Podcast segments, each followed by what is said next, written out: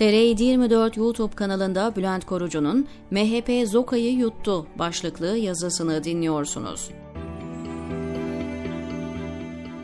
Ülke Ocakları eski Genel Başkanı Sinan Ateş suikasti MHP'yi tarihinin en büyük açmazıyla karşı karşıya getirdi.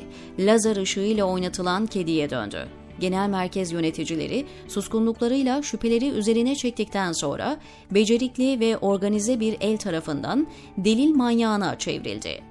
Her an bir yerden yalanlanması imkansıza yakın deliller kamuoyuyla paylaşılıyor. Bu paylaşımlar hem delilin buharlaştırılmasını önlüyor hem de cinayeti örtbas etmek isteyeceklerin cesaretini kırıyor. Değirmen çalışıyor ve oradan bir şey kapmak üzere hamle yapan elini kafasını kaptırıyor. MHP Mersin Milletvekili Olcay Kılavuz'un yanında gözaltına alınan Tolgahan Demirbaş olayına mercek tuttuğumuzda söylediklerim netleşecek. Katillerin Ankara içinde ulaşımını sağlayan Demirbaş, bir rivayette güvenlik kameraları, bir rivayette telefonu takip edilerek kılavuzla birlikteyken yakalanıyor. Onu almaya Ankara Emniyet Müdür Yardımcılarından biri gidiyor. Bu bilgi bile neyle karşılaşacaklarını bildiklerini ve hazırlıklı gittiklerini gösteriyor. Direniş görünce üstlerini arıyor ve geri adım atmama talimatını uyguluyorlar. Olcay Kılavuz'un siz gidin sahipleriniz gelsin meydan okumasına rağmen şüpheliyi getirin talimatını veren üst kimdir? Normal hiyerarşide Ankara Emniyet Müdürü Servet Yılmaz ama kılavuzun neredeyse her hafta görüştüğü İçişleri Bakanı Süleyman Soylu'nun devrede olmaması düşünülemez. Sinan Ateş'le Halef Selef olan kılavuzun polislere karşı özgüven patlamasının sebebi bu ikiliyle yakın ilişkisi. Onlarsa yaklaşan fırtınayı gördüler ve önünde duramayacaklarını anlayarak MHP'li vekili sattılar. Ya da daha üstten biri devreye girdi. O üst ancak Cumhurbaşkanı Recep Tayyip Erdoğan olabilir.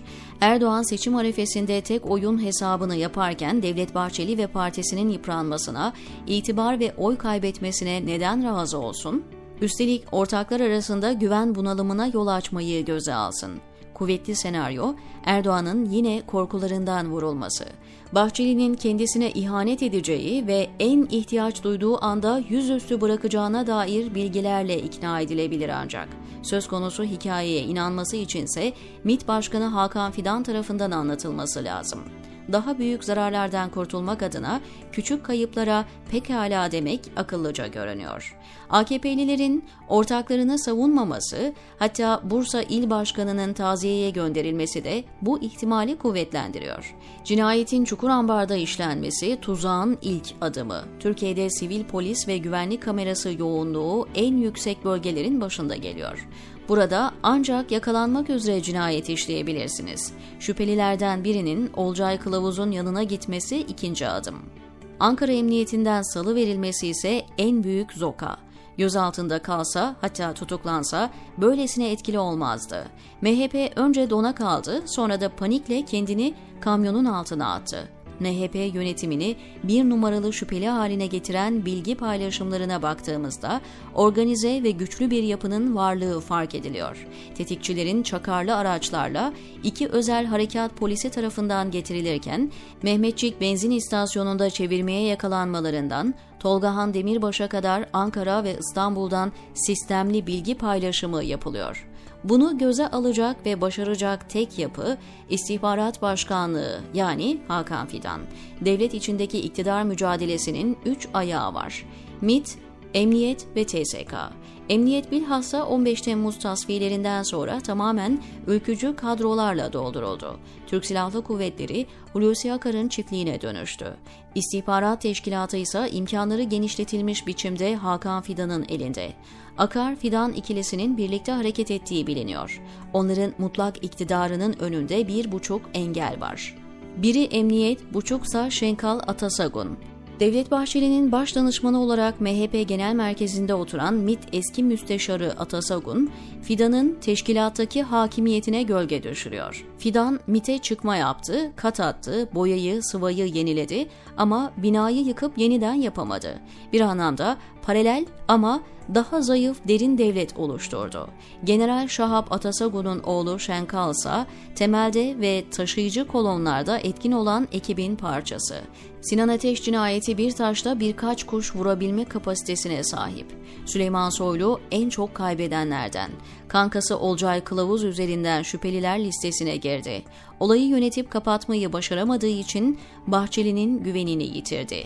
Bilge lider Devlet Bahçeli karizmayı fena çizdirdi büyük krizleri yönetme kapasitesi olmadığı ortaya çıktı. Arka bahçesine dönüşen polis gücüne yönelecek tasfiye operasyonuyla devlet içindeki mevcudiyeti önemli ölçüde zayıflayacak. Sırf AKP'yi hatta Yavuz Bahadıroğlu gibi bir yandaşı eleştirdi diye Ocak Başkanı'nı görevden alıp öldürten lider pozisyonuna düştü. Şenkal Atasogun, derin devletin temsilcisi olarak oturduğu koltuğun hakkını veremedi. Bahçeli'yi koruyamadı. Kapattığı köşeden teşkilattan golü yedi. Erdoğan biraz daha fazla Hakan Fidan'a mahkum hale geldi. Yumurtaları tek sepete doldurmak zorunda kalacak. Psikolojik olarak da Bahçeli'nin bileğini bükebilmiş bir muhatap var artık karşısında. Susurluk, kendini derin devlet zanneden aparatlara verilen bir ders, hat bildirmeydi. Mehmet Ağar ve ekibine sınırları hatırlatıldı. Ardından ödül sayılabilecek bir ceza ile dosya kapatıldı. Orada da anında Abdullah Çatlı'nın kimliği, hakkındaki bilgiler kamuoyuna servis edildi. Haluk Kırcı'nın düğün fotoğrafıyla son darbe vuruldu. Sinan Ateş operasyonuysa güç dengelerinin değişmesi ve kartların yeniden karılması potansiyeli taşıyor. Ama bunu söylemek için henüz erken. Önce karşı hamleyi görmemiz gerekiyor diyor Bülent Korucu TR724'deki köşesinde.